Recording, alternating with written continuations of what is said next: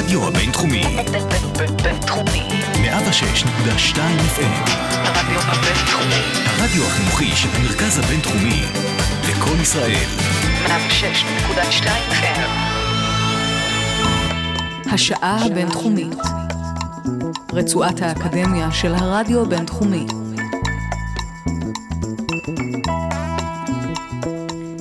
שלום, שלום, עוד שעה אקדמית, כאן ברדיו הבינתחומי, 106.2 FM, אני גיל מרקוביץ', שמחה להיות כאן אה, פעם נוספת, ואיתי באולפן דוקטור אמיר כפיר עוסק בייעוץ ארגוני ודינמיקה של קבוצות ניהוליות ופתרון קונפליקטים. שלום לך.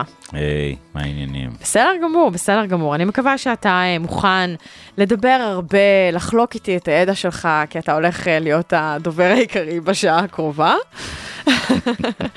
ואנחנו, אה, תראה, אנחנו מוקפים בקונפליקטים, ככה זה נראה. לגמרי. אה, כל הזמן מוקפים כל בקונפליקטים. הזמן. כן. כן. אה, זה לא חייב להיות מדיני. וזה כל הזמן מסביבנו, ואנחנו, אתה כנראה הולך ללמד אותי איך אני אמורה להתמודד עם, ה... עם הלחצים האלה. אולי תספרי לי על משהו ספציפי, שנעשה מזה משהו מאוד קונקרטי. כן, אה, כבר אני אשב על הספה ו... ונתחיל ככה בטיפול של ממש, אבל באמת, זה, זאת אומרת, זה...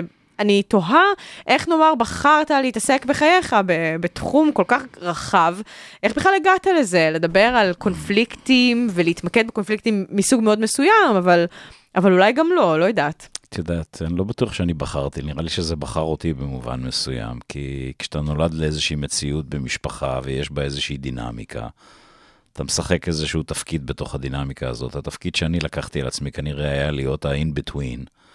שידע לפרשן אחד את השני למשתתפים בתוך הדרמה המשפחתית, ובתור שכזה, איכשהו זה נפל לי להיות הדבר הטבעי בשבילי לעשות. מה אתה אומר, המשפחה הגרעינית או מורחבת? הגרעינית. וסחבתי חלק מזה גם למורחבת, ועד היום זה ככה?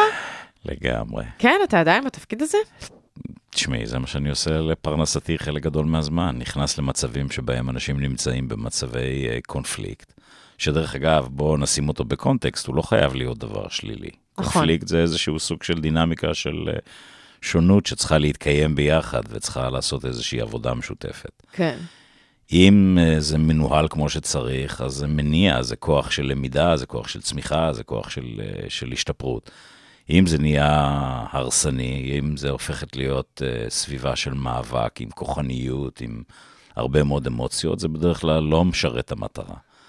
ואז השאלה, איך ממנפים את זה? איך עושים היפוך של הסיטואציה? איך לוקחים את זה והופכים את זה למשהו שעושה את העבודה כך שאנשים יכולים ללמוד אחד מהשני? כן. וזה המטרה. זה מעניין מה שאתה אומר, היה אצלי פעם אה, פסיכולוג, אה, פה מהפקולטה לפסיכולוגיה, שהסביר לי שהרבה פעמים ההתייחסות שלנו, המעשית, אה, לקונפליקטים, לוויכוחים, לדברים מה, מהעולם הזה, נובעת מעולם המושגים שלנו ועולם המטאפורות שלנו, ואם אנחנו אה, למשל בישראל תופסים קונפליקט כמלחמה, אז אנחנו חייבים שצד אחד ינצח, בעוד הצד השני יפסיד, יוטל אה, מת על הרצפה.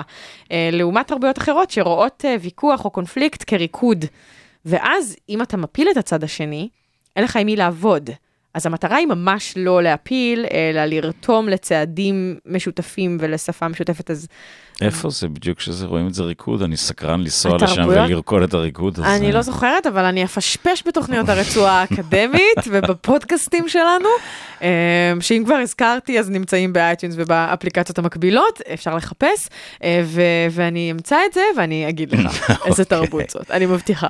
אבל גם בתרבות שלנו, אם זה מנוהל נכון, זה ריקוד. אם אנשים נכנסים, למשל, המקום הקלאסי שאנחנו מדברים הרבה פעמים על הישראלים ועל היתרון היחסי שלהם, זה שהם מייצרים בסביבה הניהולית אווירה שיש בה רמת יצירתיות מאוד גבוהה. והיא בין היתר נובעת מזה שיש ביטחון פסיכולוגי מאוד עמוק לאנשים להתעמת.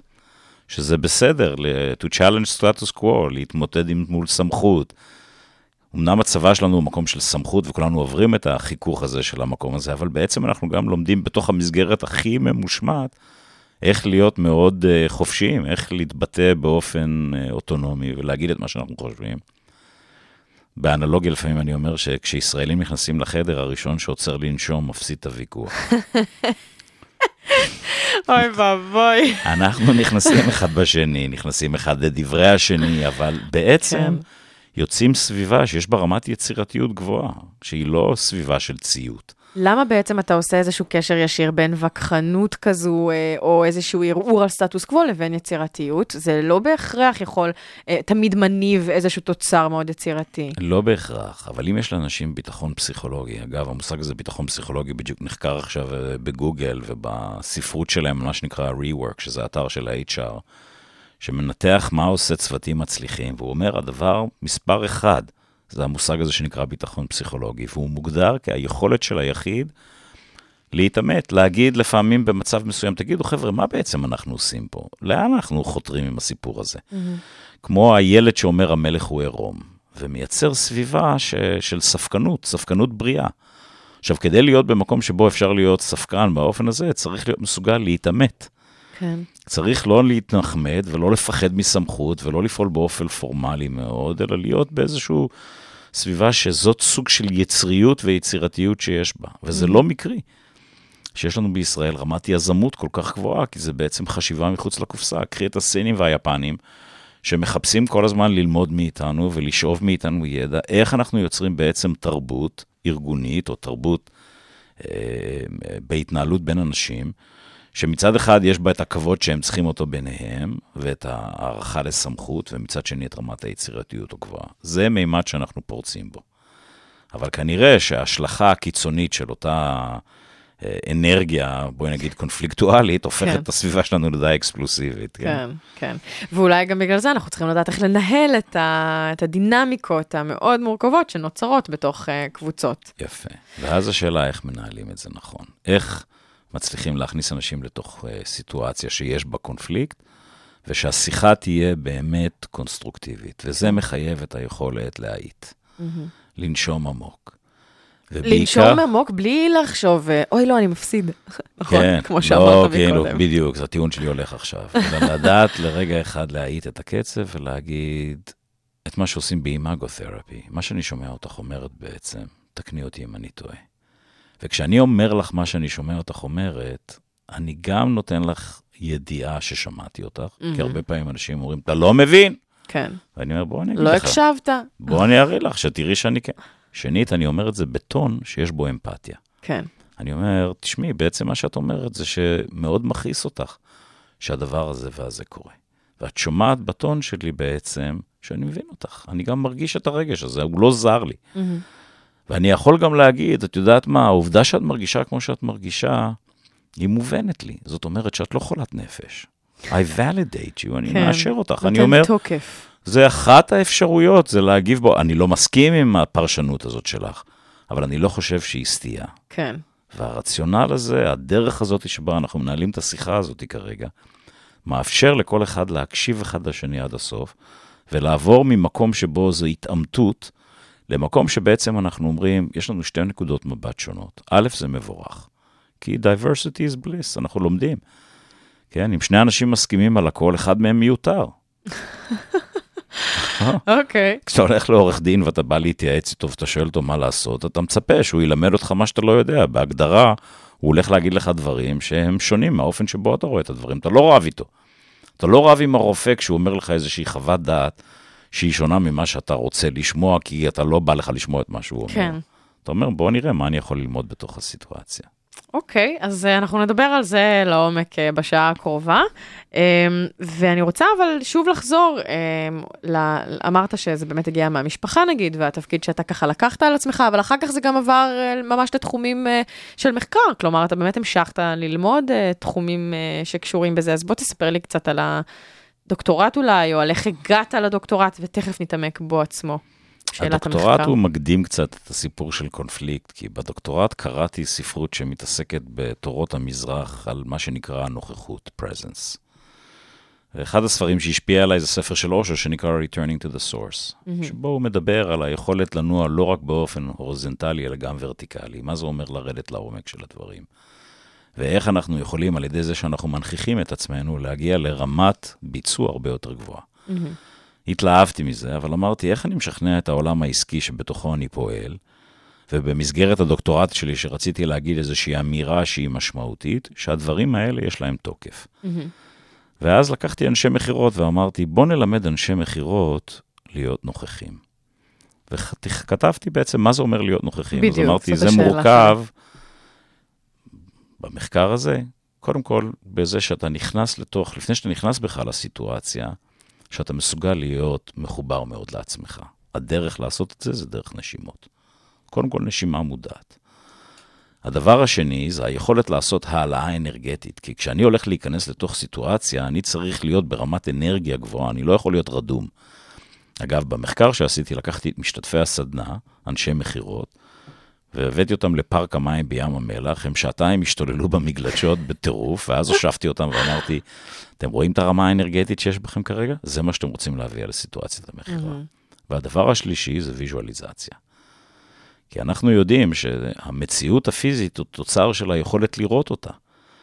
If you can dream it, you can make it. ואז איך אתה בעצם רואה תמונת עולם עתידית, חיובית, ושם מתוכה איזושהי אנרגיה שמושכת אותך לקראת העתיד, וכשדברים באים לקראתך, זה לא שזה איזשהו מאג'יק, אבל כשדברים באים לקראתך, שהם קוהרנטיים ורלוונטיים לאותו, לאותו ויז'ואליזציה, לאותו חזון שיצרת, אתה אוסף אותם בדרכך, כי אתה מבין שיש להם חיבור.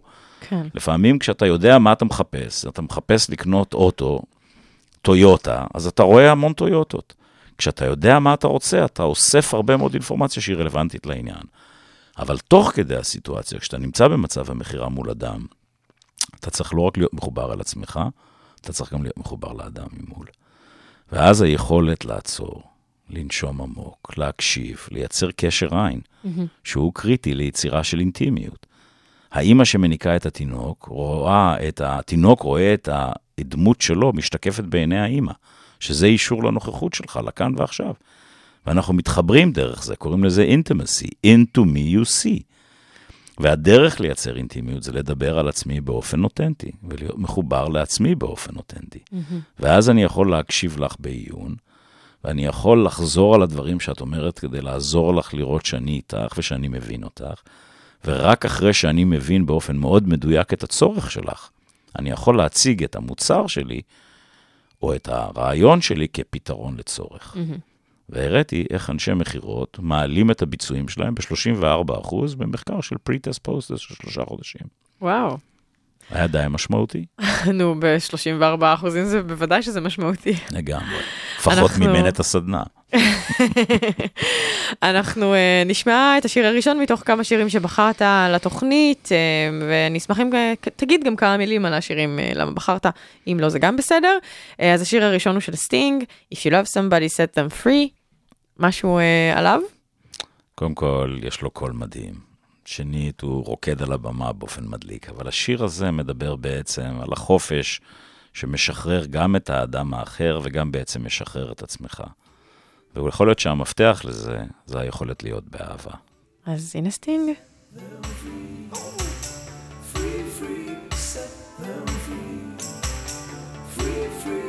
If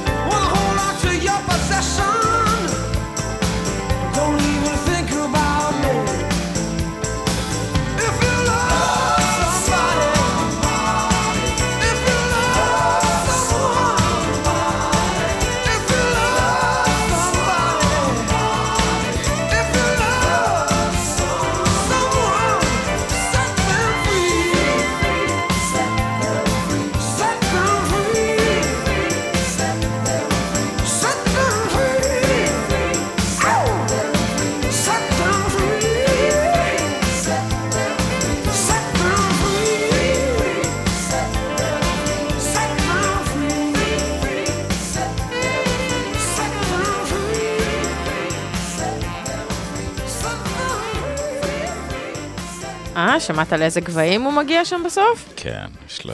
נוכחות לבחור. נוכחות. אנחנו נגיד את המילה הזו כנראה הרבה פעמים, זה יהפוך להיות השבע בום של התוכנית. איי, איי, מכה. לא, למה? לא בקטע רע, דווקא להפך, זה יטמיע את החומר. יפה.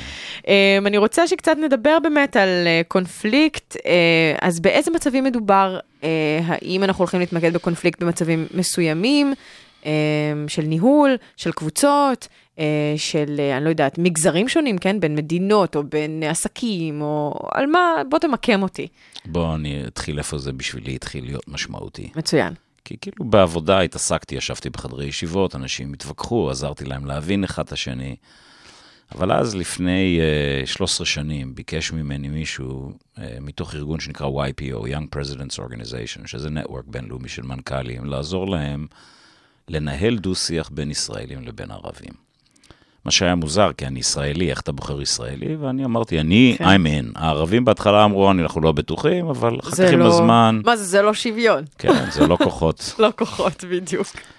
ישבנו ביחד, קבוצה של 13 אנשים בלונדון, באיזושהי טירה, והתחלנו לנהל דיאלוג. והתחיל לא קל, אתם מפוצצים לנו אוטובוסים, אתם יושבים לנו בגדה המערבית, אתם חונקים אותנו. השיחה הייתה קשה. בערב היא השתחררה קצת, כי ישבנו סביב ארוחת ערב, צחקנו, ובייחוד היה איזשהו בחור כוכב ישראלי שידע לספר בדיחות מדהימות, ופשוט גלגל אותנו בצחוק, ו-12 גברים במזרח התיכון הסתדרו טוב עם ההומור. אוקיי. אבל למחרת המתח עדיין עלה, משום שהוא היה שם, הוא לא באנו להתייפייף ולהתנחמד כן. אחד אל השני. ודיברנו על מה יכול לקרות ולאן הדברים הולכים, ואז באיזשהו שלב מישהו אמר לי, אמיר, תשמע, אתה רץ מהר מדי, כי אנחנו לא באמת מרגישים אחד את השני, אנחנו בראש מאוד. אז אמרתי, אוקיי, מה עושים? ועלה לי אילומינציה. אמרתי, אתה אנחנו- רץ מהר מדי, זה אומר, אנחנו לא מחוברים אנחנו לעצמנו? לא מחוברים לעצמנו, לא מחוברים אחד לשני, ואנחנו באיזשהו מימד שכלתני של הדיאלוג הזה, אוקיי. אבל בבטן יש הרבה כעס גם. והאמת היא, אני לא ממש מבין אתכם. ואז חילקתי אותם לקבוצות, נתתי לבחור אחד מהצד הערבי-ירדני להיות מתנחל. וביקשתי מבחור ישראלי להיות uh, פלסטיני. ואת הסעודי שמתי בתור אמריקאי, ואת האמריקאי שמתי בתור סעודי. ואז עומד ראשון ומדבר הבחור מירדן, שהוא נשוי לאישה פלסטינאית דרך אגב, והוא מדבר כמו מתנחל, והוא מדבר ומעלה את הטיעונים אחד לאחד. זאת הארץ שלנו, מי אתם בכלל שבאתם כאן? שבטים נודדים שאין להם, ממש באופן מאוד קוהרנטי, מאוד ברור, השפתיים שלנו, הג'וע, כן, הלסת נופלת מתוך התפעלות מרמת הדיוק של הבחור, וגם ההבנה שלו למציאות של נקודת המבט הקיצונית ביותר אצלנו. מהמם.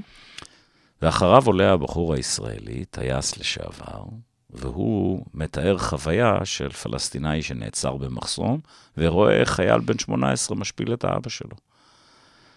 בפינת החדר יושב אחד החבר'ה, והוא נרגש מאוד על סף דמעות. ואני אומר, מה, מה הסיפור, מה קורה? הוא אומר, אני לא תיארתי לעצמי שטייס ישראלי יכול להבין איך זה מרגיש להיות בחוויה שלי במחסום. ידע לספר את הסיפור שלי. ידע לספר את הסיפור שלי עם כל המטען הרגשי. ואיכשהו פתאום יש איזושהי פתיחה, ובחדר יש דממה ויש עומק, וברור לנו שהבנו מה זה להיות בצד השני. מתוך השיחה הזאת התקדמנו למקום מאוד משמעותי, כי הייתה פריצת דרך ביחסים, ואחר כך הקמנו עוד פורומים כאלה. בין טורקים ליוונים, שנלחמים אחד עם השני וטסים מעליהם באיגי ומרגיזים אחד את השני. בין טורקים לארמנים, שמדברים על הטבח הארמני.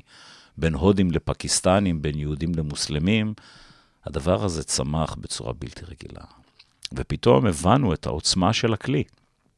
איך לקחת אנשים שנמצאים בסביבה מאוד תאונה? טעונה, עוינת, כועסת, אבל גם שמחפשת איך אפשר להתנהל, כי מדובר באנשי עסקים שאמרו, איך אנחנו עושים אימפקט? איך אנחנו יכולים לתרום לעולם הזה ולא להיות באיזה מין עמדה שמותירה את הזירה רק לפוליטיקאים ולמטיפים הדתיים ולתקשורת שאיכשהו לוקחת את זה לכיוון לא נכון. זה בכלל יפה לשמוע שאנשי עסקים אה, חשבו על הכיוון הזה ורצו שיהיה ליום-יום שלהם, לעבודה משמעות. שלהם, משמעות. לגמרי. הם אמרו, כאילו, מספיק עם החינוך ועם ההשכלה וההתפתחות האישית. מה אנחנו יכולים לעשות בעולם? והם בחרו אתגר לא פשוט, דרך אגב, כי אפשר לעשות דברים אחרים.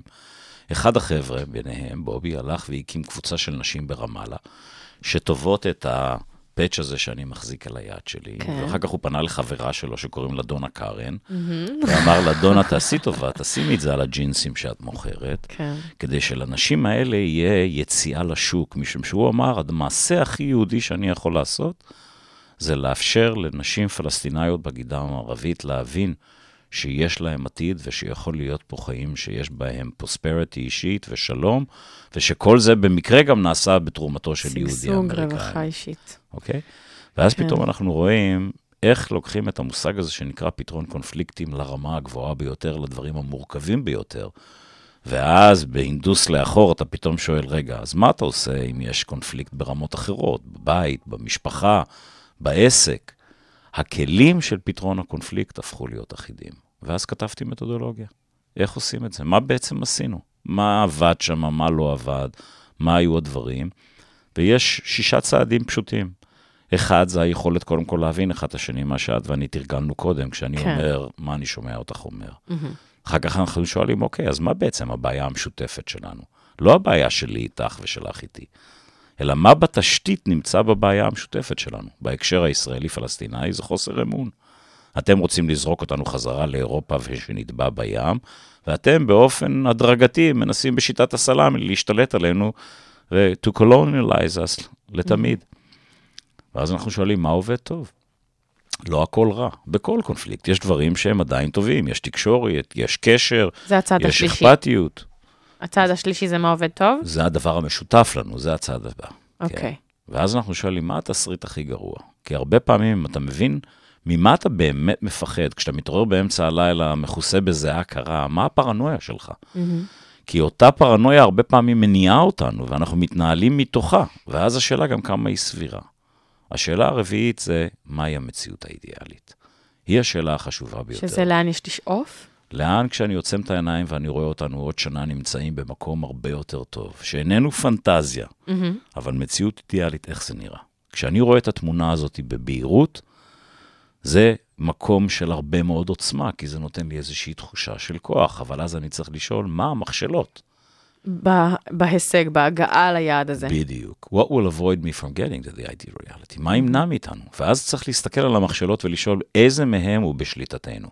ורק אותם שאנחנו מרגישים שיש לנו שליטה או השפעה משמעותית, השאלה צריכה להיות מה אנחנו יכולים לעשות בעניין הזה. ופתאום נוצרת איזושהי מפת דרכים, פתאום שואלים מי עושה מה ומתי ואיך, ואנחנו רואים שעל כל מצב יש מספר צעדים שאפשר לעשות. אפילו הסרט הזה שהנשים האלה עושות ברמאללה, נותן להם איזושהי סוג של תקווה, נותן להם תחושה שיש אנשים אחרים בעולם שמסתכלים אחרת על המציאות, שהם כרגע בתחושה של, של אבל כבד, שהן נמצאות בעצם באיזשהו מקום שאף אחד לא רואה אותם. Somebody sees you. ואז כתבנו על זה גם ספר, שנקרא Non-Flict, שזה שם שמשחק עם הרעיון, The Art of Everyday Peacemaking, כי אמרנו בעצם, מה שנכון, נכון לכל מצב בחיים. איך עושים שלום, איך מייצרים סיטואציה שבה אנשים יכולים להיות בדיאלוג. יש את התוכנית הזאת ואת הרעיון הזה שנקרא שלום מתחיל מבפנים. Okay. איך אוקיי. אתה יוצר את זה בתוכך? איך אתה מייצר את השלום הפנימי ואיך אתה מייצר את זה בדיאלוג שאתה מנהל מול אנשים אחרים ברמה הכי קונקרטית והכי פרקטית, שזה לא איזשהו משהו פילוסופי רחוק וחסר תחושה שאפשר להוציא אותו מן הכוח אל הפועל, אלא באמת אפשר לממש אותו. כן. ונראה לי שהשיר הבא שבחרנו, קשור הוא לזה. קשור לזה, והוא... בוודאי, בחרת את האחד והיחיד, ג'ון לנון, ללא עם, ספק. אה, עם Imagine. וואלה, אז הנה מקור הכוח, to imagine. בדיוק.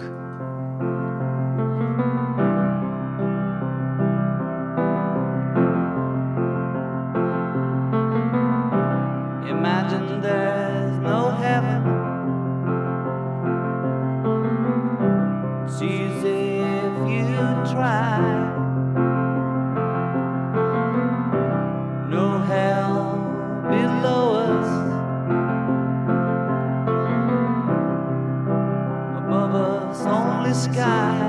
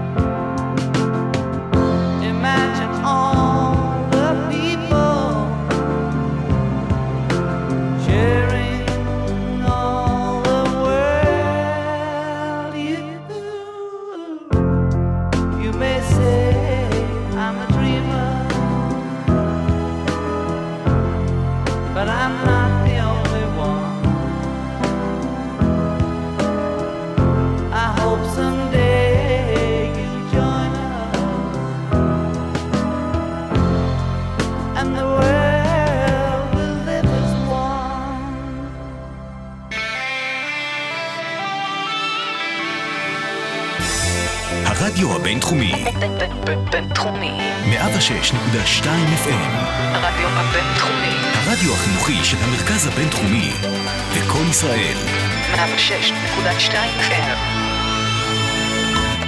השעה הבינתחומית. רצועת האקדמיה של הרדיו הבינתחומי. אמיר, אני לא יודעת אם אתה תאמין, אבל אנחנו כבר במחצית השעה, אמ, אז הזמן חולף לו, ויש לנו עוד הרבה להספיק אה, לדבר עליו, ואני רוצה שבאמת נדבר קצת על הדברים המעשיים, שאחרי שכתבת את המתודולוגיה וראית שהיא עובדת, ובאמת התנסית בה, אה, באמת גם הקמת NGO, אה, שהשם שלו הוא Peace- Peacemakers, makers, סליחה, אמ, ובוא תספר לי קצת על היוזמה הזו. זה התחיל מזה שעשיתי איזשהו סיור אה, של הדרכה בקנדה, ועברתי לכל אה, אורכה ורוחבה של הארץ, ודיברנו מול 750 איש שלימדנו אותם את המתודולוגיה. כולל הבאתי כאפיות וכיפות, וחילקתי את הקבוצה לשלוש, חלק שהיו הצד הערבי עם הכאפיה, הישראלי עם הכיפה, לא מצאתי סימבול אחר, והשלישי היו האומניקים. שהיו צריכים להיות ה facilitators של הדיאלוג, אה. תוך כדי כך שאנחנו מלמדים אותם את המתודולוגיה. הבנתי. ואז אמרנו, אוקיי, יש פה איזושהי תעודה, יש פה איזושהי תפיסה שזה עובד. והתחילו לפנות אליי אנשים, פנה אליי מישהו מהודו, שהוא חבר בארגון הזה של YPO, ואמר, תשמע, אמיר, אני רוצה להשפיע על נשים ולעשות העצמה של נשים בהודו. אני מקים קבוצות של נשים, שנקרא טנישקה, שנפגשות פעם בחודש, והן מדברות על מה קורה איתן, mm-hmm. ועל השו, השינויים שהם רוצים לחולל בסביבה שבה הם חיים. והדרכנו אותם איך לעשות את התהליך הזה. היום יש מעל 100 אלף נשים בהודו, רק במהרשטה, שנפגשות ועושות שינויים, גם ברמה האישית. יש שם בעיה קשה של מה שקורה עם נשים, אלימות מול נשים. האישה שמביאה ילדה הביתה, וזו הילדה השלישית, והבעל אומר, הוא לא רוצה אותה בכלל, תחזירי אותה, ואיך אנחנו עוזרים לאנשים להגן אחת על השנייה. אבל גם איך הן עושות שינוי בסוגיות שמעסיקות אותם, חינוך של ילדים, pollution. בקהילה. בקהילה שבתוכה הם חלק. ואז הוא אמר, עכשיו אני רוצה ללכת לאוניברסיטאות, אז הדרכנו 560 מנהיגים מכל הקמפוסים במהרשטרה, שמקימים פורומים שאותו דבר, נפגשים הסטודנטים פעם בחודש, מתעסקים בסוגיות שמעסיקות אותם, אבל גם אומרות, איך אנחנו עושים שינוי בסביבה שבה אנחנו חיים. ואז הוא אמר, אם זה עובד פה, בוא ניקח את זה לגרמניה. ואחרי שזה עבד בגרמניה, חיברנו אנשים למקסיקו. וגם שם התחלנו, גם עם נשים, אבל במקסיקו עשינו דבר מרתק. כי יש שם ילדים מבתים הרוסים שהולכים לשיעורים של מוי טאי, זה boxing של תאילנד, ואחרי שהם גומרים את האימון של המוי טאי, הם יושבים ביחד עם המאמן, והמאמן עושה איתם את הדבר הזה שנקרא פורום. את אותה שיחה שבה יושבים ביחד וכל אחד משתף מה קורה איתו, ואז הם שואלים... בלי בהכרח קשר לאימון הזה שהם כרגע בלי חוו. קשר לאימון, מה אבל קורה זאת... איתו בדיוק. בכלל? מה קורה איתו בחיים, מה קורה איתו. אני ישבתי שם וילד מתאר את החוויה שלו בבית ספר, את הקושי לעשות שיעורי בית, את תחושת הבדידות שיש לו, ואחרים יושבים ומשתפים, והמודל הוא כשהם אומרים, בואו נספר לך מה קורה איתי, איך אני מרגיש. אף אחד לא נותן עצה, אבל דרך השיתוף, דרך היכולת לעשות עבודה, אנשים פתאום חווים איזושהי תחושה שהם גם לא לבד, ושישנם אסטרטגיות אחרות לדיול ולטפל בסיטואציה שבתוכה הם נמצאים.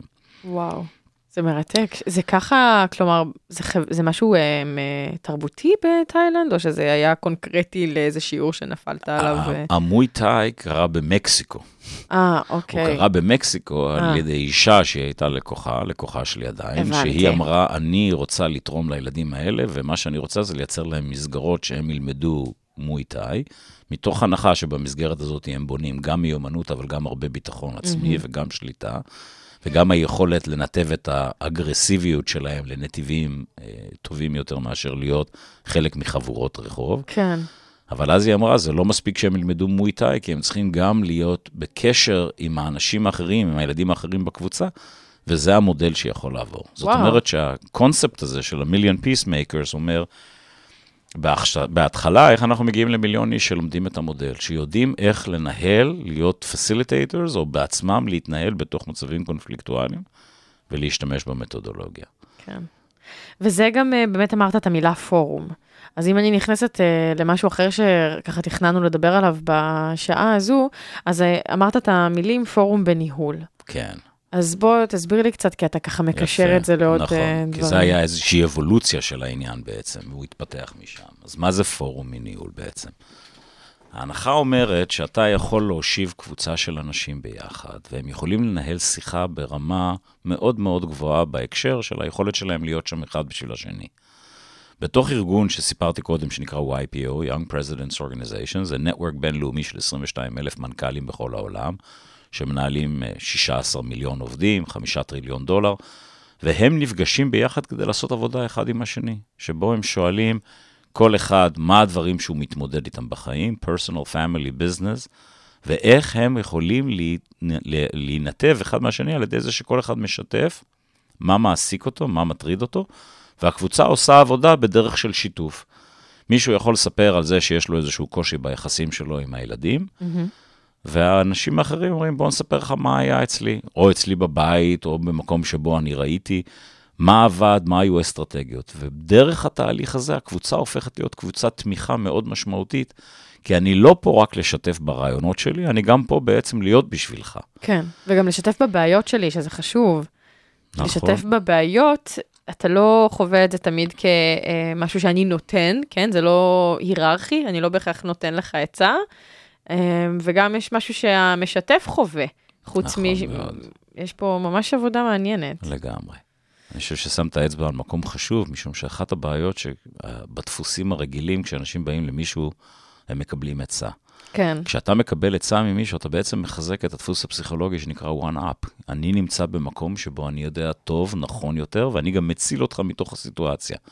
אתה עכשיו החולה המזוהה, ועכשיו אנחנו במקום הרבה יותר נוח. כן, ופה אנחנו פתאום שמים את כולנו ביחד באיזשהו תשתית שבו אנחנו אומרים, רגע, רגע, בעצם הרגשות שאתה חווה, מה שאת מרגישה כרגע זה לא זר לי. גם אני הרגשתי חרדה, גם אני הרגשתי תחושה של בושה.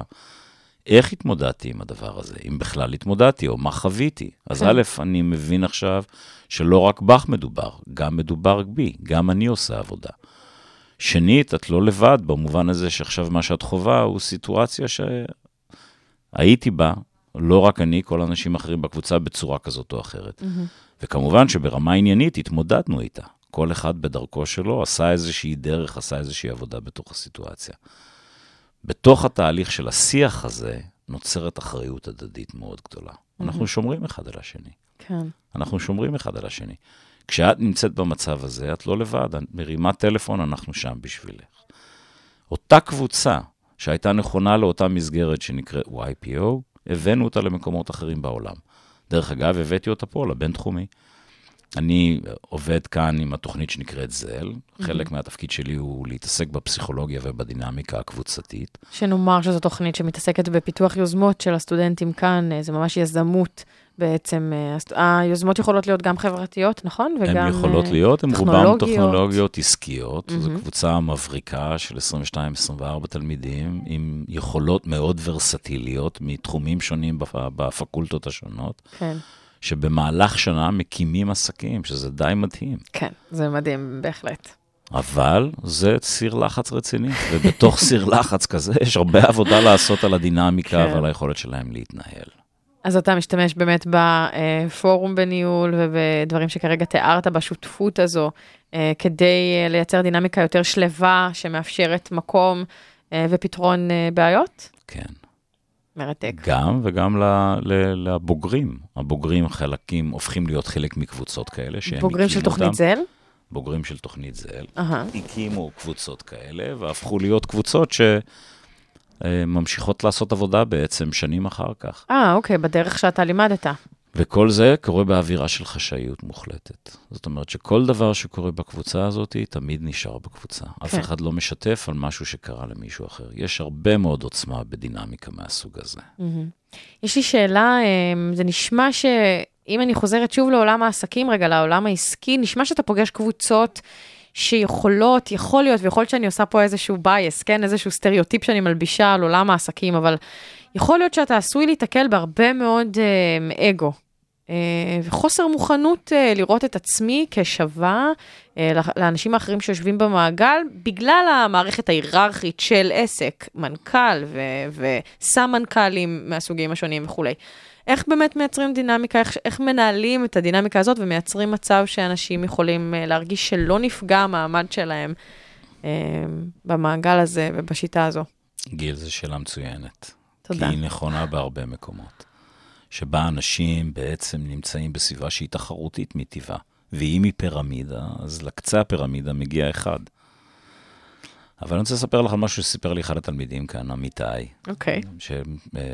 שבתוכנית שלימדתי כאן, שהוא גם משחק כדורסל. והוא אומר, אתה יודע, אמיר, כשאני יושב על הספסל ואני לא על המגרש, ומישהו מהקבוצה שלי זורק כדור לסל, למה אני בעצם מקווה בליבי? אמרתי לו, למה אתה מתכוון? הוא אומר, מה אתה חושב שאני חושב כשאני יושב שם על הספסל? אמרתי לו, לא יודע, שהקבוצה תנצח. הוא אומר, כן, יש משחקים שזה חשוב, אבל יש הרבה מצבים שאתה מקווה שהוא יפסיד ושהוא יפספס. למה? כי אז המאמן אומר לו, שב, והוא אומר לי, תעלה תשחק, וכל מה שאני רוצה זה דקות משחק. כן. ויחד עם זאת, כשזאת האנרגיה בתוך הקבוצה, הקבוצה מפסידה. מה זה אומר? שהיכולת שלנו להבין שהתחרות שלנו נמצאת מחוץ לעצמנו ולא בינינו, גם בהנהלות וגם בארגונים כשיש אגואים גדולים. If we don't hang together, we'll hang next to each other. איך אנחנו לומדים לשתף פעולה ולתמוך אחד בשני? המצבים הקלאסיים בתרבויות הארגוניות זה שהם מאוד תחרותיים. אם המכירות מצליחות והן מוכרות כמו משוגעים, אז משהו בייצור מתפקשש, כי הם לא מצליחים לעמוד בביקושים או באיכות הנדרשת. מנהל המכירות יכול להיות רגוע, זה חודש טוב בשבילו, יכול לנשום עמוק, עכשיו זה שמנהל את הייצור נראה רע, אותו שותלים ואותו קוראים. חודשיים אחר כך הסיטואציה משתנה, או חצי שנה אחר כך. כל זמן שאני מרגיש שחוסר ההצלחה של זה שיושב לידי משרתת אותי, אנחנו כקבוצה נכשלים. מרגע שאנחנו מבינים את זה, וזה לא נורא מורכב להבין את זה. ואנחנו מתחילים להתנהל אחרת בינינו, ביכולת באמת להיות שם אחד בשביל השני. להבין את הקושי שלך, לשתף בניסיון שלי איך אפשר להתמודד עם הסיטואציה הזאת, נוצרת הנהלה הרבה יותר חזקה, הרבה כן. יותר אפקטיבית. בעצם, הכוח הארגוני הכי גדול שקיים, הוא לאו דווקא האסטרטגיה העסקית או המוצר. אלה דברים שהשתנו עם הצעה, עם הזמן, כן? נכון. מה שנשאר כמעט תמיד ככוח מרכזי, זו אותה דינמיקה, אותה רוח, רוח היחידה, כמו שאנחנו... כן. אנחנו נשמע עוד שיר אה, מאוד יפה לדעתי, שבחרת גם לשעה הזו, והוא נקרא Sweet Baby James של אה, ג'יימס טיילור. כן. אמ, אם בא לך להגיד כמה מילים זה אחלה. אה, ג'יימס הוא ענק, והקול שלו ליווה אותי בנעוריי כשהייתי מקשיב לו בתי, בימים של דיכאון ובימים של שמחה, אז הוא כנראה טוב לשני הדברים. כן, זהו, זה אומר משהו על אומן ששומעים אותו גם בעיתות כאלה וגם בכאלה. אז הנה ג'יימס טיילור.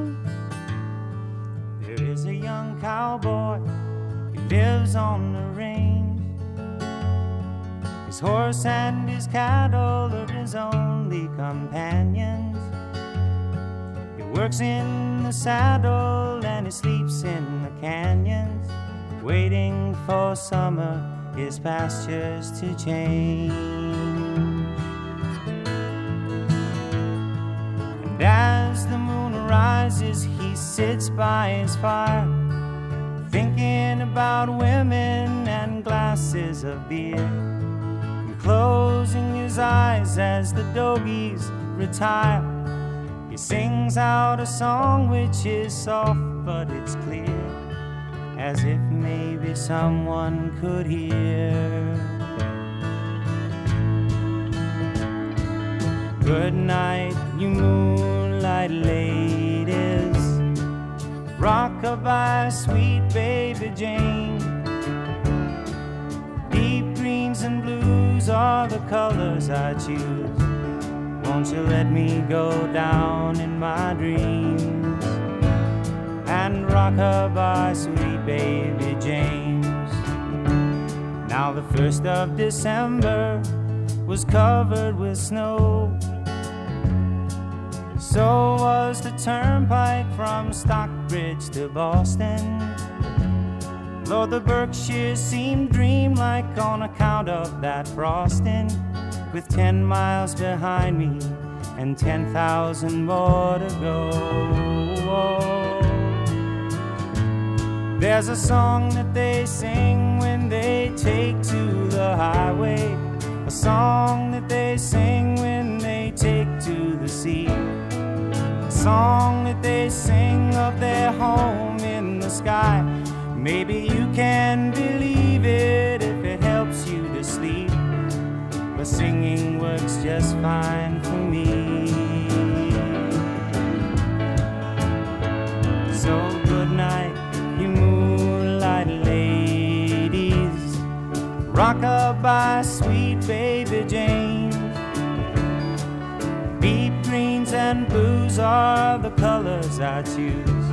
Won't you let me go down in my dreams and rockabye, sweet baby Jane? קצת כפיתי עליך את, ה... את הנושא שאנחנו הולכים לדבר עליו, נראה לי, um, עכשיו, בדקות שנותרו לנו, אבל um, אחד מהדברים שככה דיברנו עליהם אולי בהתחלה, זה באמת, בכלל, בכל התוכנית זה בעצם ניהול uh, של מצבים של שינוי. Um, עכשיו, יכול להיות שהשינוי לא מתבקש מהקבוצה, יכול להיות שהקבוצה בכלל לא חושבת שצריך שינוי. אה, ואז בעצם בא מישהו ככה מבחוץ או, או מבפנים שאומר, אוקיי, צריך שינוי, ואז איך מגיבים לזה. ויכול להיות שלפעמים זה גם בא באמת מתוך איזושהי בקשה פנימית. אה, ואז צריך לשאול איך עושים את זה, מה המחיר של זה, אה, מה זה אומר שכל גורם בקבוצה צריך לעשות. אז איך מנהלים שינוי? זה נשמע לי עצום. בוא תספר לי קצת מהניסיון שלך. זה, זה עולם תוכן שלם ומרתק, כן, אבל בואו נשים אותו בקונטקסט קודם כל. כן. מה המקום הכי שקט בעיר? אמ, רגע, זה לא פארק, לא, כי יש ילדים שמשחקים שם. נכון. מלא חיים, אמ, בטח איזה סמטה, לא יודעת. בית קברות, אוי, נכון, נכון? לא חשבתי. העיר. למה? לא חשבתי על זה בכלל. וואו. וטוב שלא. אוקיי, למה? אוקיי, כן. אין שם שינוי. נכון. אין שם שינוי. זה, זה סטטי, זה, זה נגמר. כן? זה לא בית יולדות, צרחות וצעקות וחיים ולידה ושינוי ו... והשתנות. זה לא סביבה עירונית דינמית שמשתנה, זה מקום שסיים את תהליך השינוי שלו. מה זה אומר? שלהיות חי זה להשתנות. החיים זה שינוי, כל הזמן. כן, אנחנו שונים, הסביבה שבה אנחנו פועלים שונה. עכשיו, מה השינוי מייצר? הוא מייצר או אוסף של בעיות לאנשים, צמתים שבהם פתאום צריך לקבל איזושהי הכרעה וזה נתפס כבעיה, או צמתים שאנשים רואים את זה כהזדמנויות. וההבדל בין תפיסת עולם שזה בעיה או שזאת הזדמנות, הרבה פעמים היא נגזרת של הדרך שבה אנחנו מסתכלים על הדברים. כן, עכשיו, אם אנחנו מסתכלים על זה כהזדמנות, אז יש בינינו איזושהי אה, מצב תודעה שהוא חיובי כלפי העניין, ואז אנחנו שואלים, מה השיעור פה? מה אפשר, איך אפשר למנף את מה שקורה פה כרגע? אם אנחנו מסתכלים על זה כבעיה, אנחנו נכנסים לתהליך של שיפוט והערכה עצמית, אנחנו נכנסים למקום ביקורתי כלפי עצמנו, ואנחנו מתקשים בעצם לבחון את ההזדמנות שמתבקשת. כן, אוקיי? גם אחרי שאנחנו עושים שינוי, נוצרת מציאות חדשה. אחרי שקיבלנו החלטה, התמודדנו עם הבעיות, יצרנו שוב מציאות חדשה. כן. עכשיו צריך להתמודד עם הנסיבות החדשות. אנשים למשל, הם רווקים, אז הם נורא רוצים להיות בתוך מערכת יחסים, וקשה להם העובדה שהם לא בתוך מערכת יחסים. עד שהם מחליטים יום אחד להיות במערכת יחסים, אז הם עברו מבעיות של להיות שלא במערכת יחסים, עכשיו לחיות ביחד, להתמודד עם הסגנונות השונים, עם הצורך להתאמות, עם החיבור למשפחה. ואז הם עושים עוד איזשהו שינוי, ולפעמים הם מתחתנים והם עושים ילדים, וזה מייצר עוד איזשהו שינוי בחיים שלהם. גם דברים מדהימים, אבל גם סדרה חדשה של בעיות בחיים שלהם. יש אנשים שמתגרשים. עכשיו הם יושבים בבית והם שואלים מה אני רוצה. יש כאלה שנהנים, מבלים, ואחרי כמה זמן אומרים, אוקיי, מה אני רוצה עם עצמי? ופתאום יש להם דילמות חדשות. כן, יש להם בעיות חדשות. לפעמים הם מתגרשים והם מתחתנים אחר כך עם מישהו אחר, והם עכשיו מביאים לילדים שלי והילדים שלך. מה זה אומר? זה כל הזמן איזושהי סדרה מתמשכת של בעיות. אז קודם כל, השאלה הראשונה זה מה הגישה שלנו לעניין הזה. איך אנחנו ניגשים. עכשיו, אם אנחנו לא מדברים על הדברים, זה לא אומר שהם לא קיימים. לכן אנחנו אומרים שלשים את הראש שלנו בחול, לא אומר שהישבן שלנו לא בולט בחוץ. כי המציאות נמצאת שם, הקושי נמצא. ולכן חלק גדול מהעבודה שאני עושה עם ארגונים זה להיכנס ולייצר תחושה של ביטחון שאנחנו מסוגלים לנהל שיחה אמיתית וכנה על מה באמת קורה. ולהגיד, אוקיי, זה חלק מהאבולוציה שלנו. כי יש לכל מערכת גם שינוי וגם בעיות. חלק מהבעיות הן בעיות מעבר, וחלק מהבעיות הן בעיות פתולוגיות שאנחנו נתקעים בהן. אם רואים ילד בסופר בן שנתיים שצורח ליד מדף הסוכריות שהוא רוצה עוד, אנחנו אומרים, אוקיי, הוא, זה התקופה הזאת בחיים, שזה הדרך שהילד מבטא את עצמו. איזה באסה. נכון? אם בגילי אני אעמוד ליד מדף הסוכריות ויצרח באופן הזה, יגידו, יש פה מישהו חולה נפש. כן. כלומר, בעיה אחת בשלב אחד נתמסת נורמלית ובשלב אחר לא נורמלית. עכשיו, אם זה אומר שיש בעיות נורמליות פתולוגית, אז השאלה בעצם זה איך אני מנהל את השינוי בחיים שלי. ואיך אני בוחן איזה בעיות הן נורמליות ופתולוגיות. בעיות נורמליות הן חלק מאבולוציה. בעיות פתולוגיות מחייבות התערבות אחרת ממעלה השנייה. ואז אני שואל, לאן אני רוצה להגיע? כי השינוי הוא לא לצורך השינוי בלבד.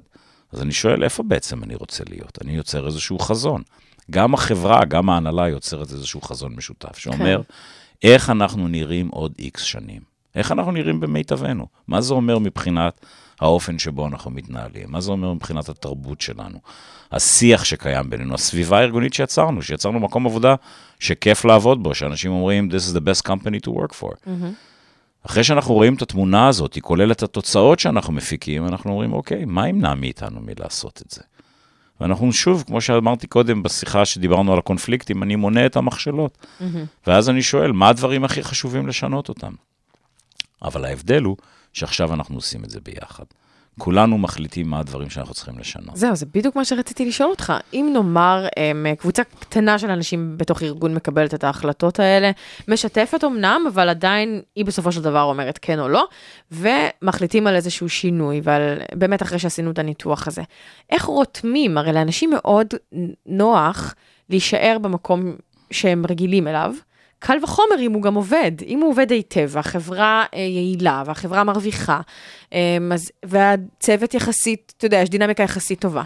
איך רותמים לשינוי? כלומר, אה, כדי להגיד, יש לנו יעד שהוא קצת יותר גבוה מהמקום שאנחנו נמצאים בו עכשיו, מרק אה, לייצר, נאמר, רווחים. נגיד, אנחנו רוצים גם לייצר אימפקט חברתי, סביבתי, לא יודעת, כל אחד והיעדים שלו. איך רותמים לשינוי? את שואלת שתי שאלות חשובות. אחת זה איך רותמים את האנשים, והתשובה זה שהם צריכים להיות שותפים בעניין. הם צריכים להיות חלק מהשיח. השאלה השנייה שאת שואלת זה למה להשתנות כשהדבר הוא פחות או יותר בסדר.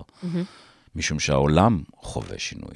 זה שאנחנו נמצאים באיזשהו מצב של נוחות, זה לא אומר שהמציאות מסביבנו לא משתנה, זה לא אומר שמישהו מבחוץ לנו לא מבשל איזשהו פתרון לבעיה כן. שאנחנו קיימים בזכותה ופותר משהו שמייתר אותנו עם הזמן. איך אנחנו נמצאים בחוד החנית של עצמנו, בתהליך מתמיד של השתפרות, בתהליך מתמיד של בחינה של מה עובד ומה יכול לעבוד יותר טוב. You don't have to be bad to be better. איך אנחנו מייצרים סביבה שיש בה אמביציה בעצם לבחון כל הזמן איך אנחנו עושים את הדברים יותר טוב, גם כי הטבע השורד מחפש כל הזמן לשפר את יכולת השרידות שלו, וגם משום שאפשר לייצר ביצועים טובים יותר שמייצרים רמת ודאות גבוהה יותר בטווח הארוך. כן. בעולם משתנה, שבו לא ברור מה יקרה לאנשים. אני עובד עכשיו עם חברה שחרתה על הדגל שלה את היכולת להבטיח פרנסה לאנשים עד הפנסיה שלהם, משהו שהוא לא באופנה.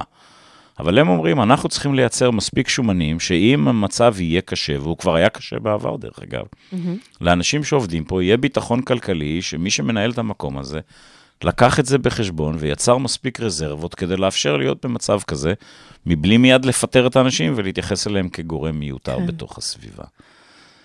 גם בחיים הפרטיים שלנו, כי נדמה לי שמשם התחילה השאלה ששאלת קודם לגבי שינוי, זה היכולת להגיד, איפה אני רוצה להיות? אני לא משתנה לשם השינוי, אני משתנה משום שיש לי איזושהי אמביציה, יש לי איזשהו חלום מסוים.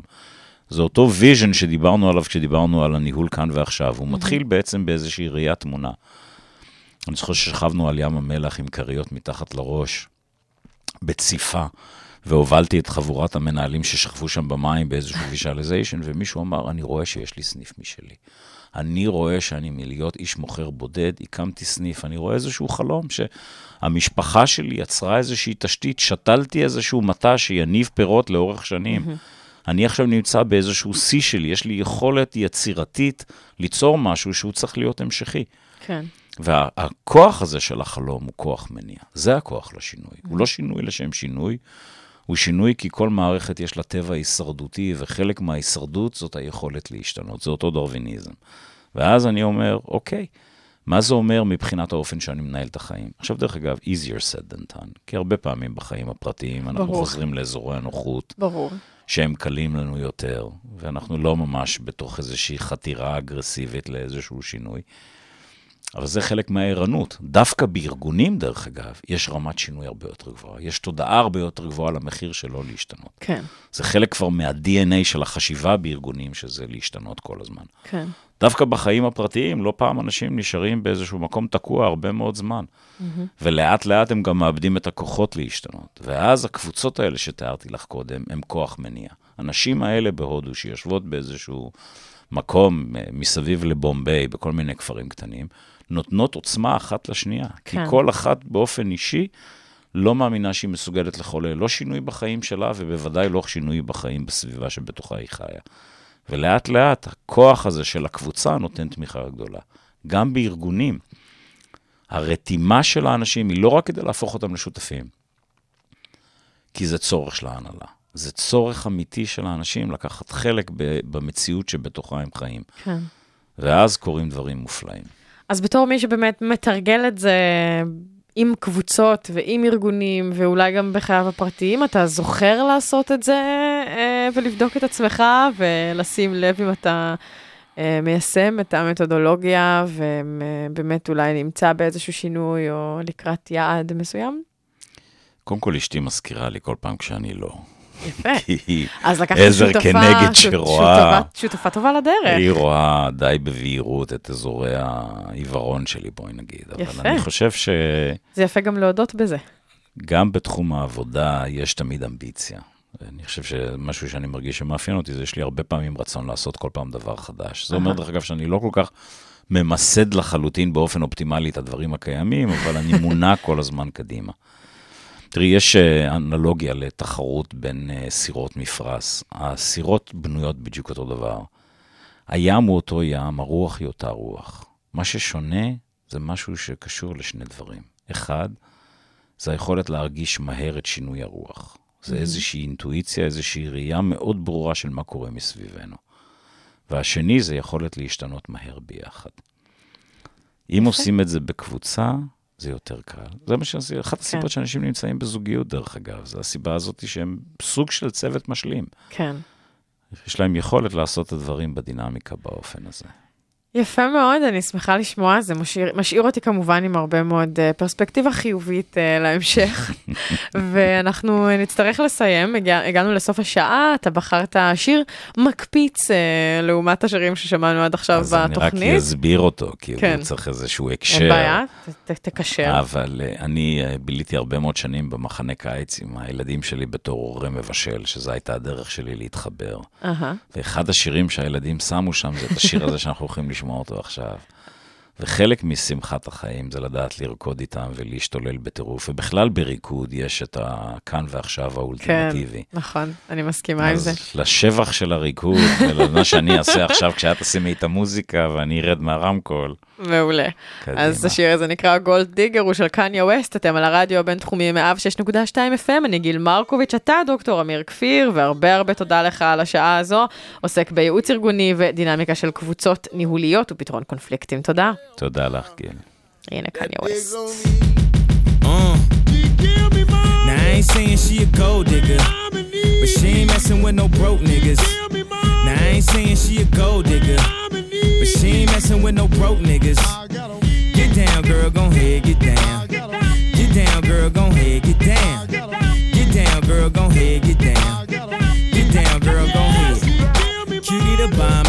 at a beauty salon with a baby Louis Vuitton under her underarm. She said, I could tell you rock, I could tell by your charm. Far as girls, you got a flock. I could tell by your charm and your arm, but I'm looking for the one. Have you seen her? My psychic told me she have an ass like Serena, Trina, Gina for Lopez, four kids, and I gotta take all they badass to showbiz. Okay, get your kids, but then they got their friends. I pulled up in the bins, they all got a bin. We all went to den, and then I had to pay. If you fucking with this girl, then you better be paid. You know why? Take too much to touch her. From what I heard, she got a baby by Buster. My best friend said she used to fuck with Usher. I don't care what none of y'all say, I still love her. Now I ain't saying she a gold digger, uh, but she ain't messing with no broke niggas. Uh, now I ain't saying she a gold digger, uh, but she ain't messing with no broke niggas. Uh, get down, girl, go ahead, get down. Get down, girl, go ahead, get down. Get down, girl, gon' ahead, get down.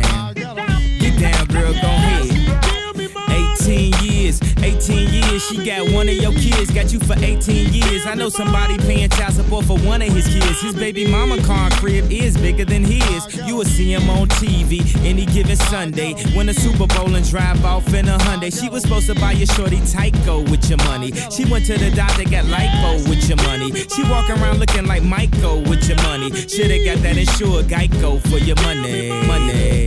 If you ain't no punk, holla, we want prenup. We want prenup. Yeah. It's something that you need to have. Cause when she leave your ass, she gon' leave with half. 18 years, 18 years. And on her 18th birthday, found out it wasn't his. Now I ain't saying she a gold digger. Uh, but she ain't messing with no broke niggas.